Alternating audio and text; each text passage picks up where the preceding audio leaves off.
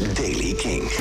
Vandaag gaat af en toe de zon schijnen. In het noorden en noordoosten begint de dag met kans op een bui. Misschien ook met het onweer. Het wordt 20 graden aan zee en 24 in het oosten en zuidoosten. Nieuws over Youngblood en de Foo Fighters. Dit is de Daily King van maandag 26 juni. Michiel Veenstra.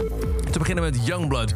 Hij gaat binnenkort op tour door Noord-Amerika... en doet iets totaal anders dan wat de laatste tijd de trend lijkt. Namelijk steeds duurdere concertkaarten. Hij heeft aangekondigd dat hij de tickets heeft verlaagd naar 20 dollar... om het voor fans betaalbaar te maken. Op die manier wil hij zoveel mogelijk mensen de kans geven om zijn shows bij te wonen. Het geld dat hij verdient met de tournee investeert hij terug in zijn fans, zegt hij... omdat hij niet wil dat iemand de shows moet missen vanwege financiële redenen. En dan Foo Fighters, je hebt het vast meegekregen. Zij waren de surprise act afgelopen weekend op Glastonbury. Ze stonden als de Churn-Ups genoteerd op de bill. Maar bleken dus inderdaad de Foo Fighters. Dave Grohl had sowieso een druk weekend... want hij speelde ook nog mee met de Pretenders en met Guns N' Roses.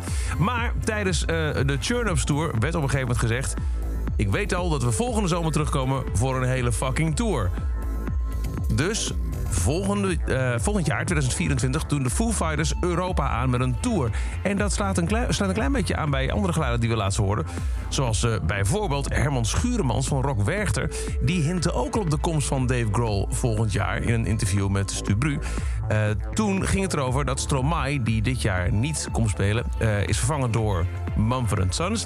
Foo konden dit jaar niet komen als vervanger, zei uh, Schuremans. Soms moet je dingen een jaar laten rusten, zodat ze nog beter worden. Nou ja, een jaar, 2024.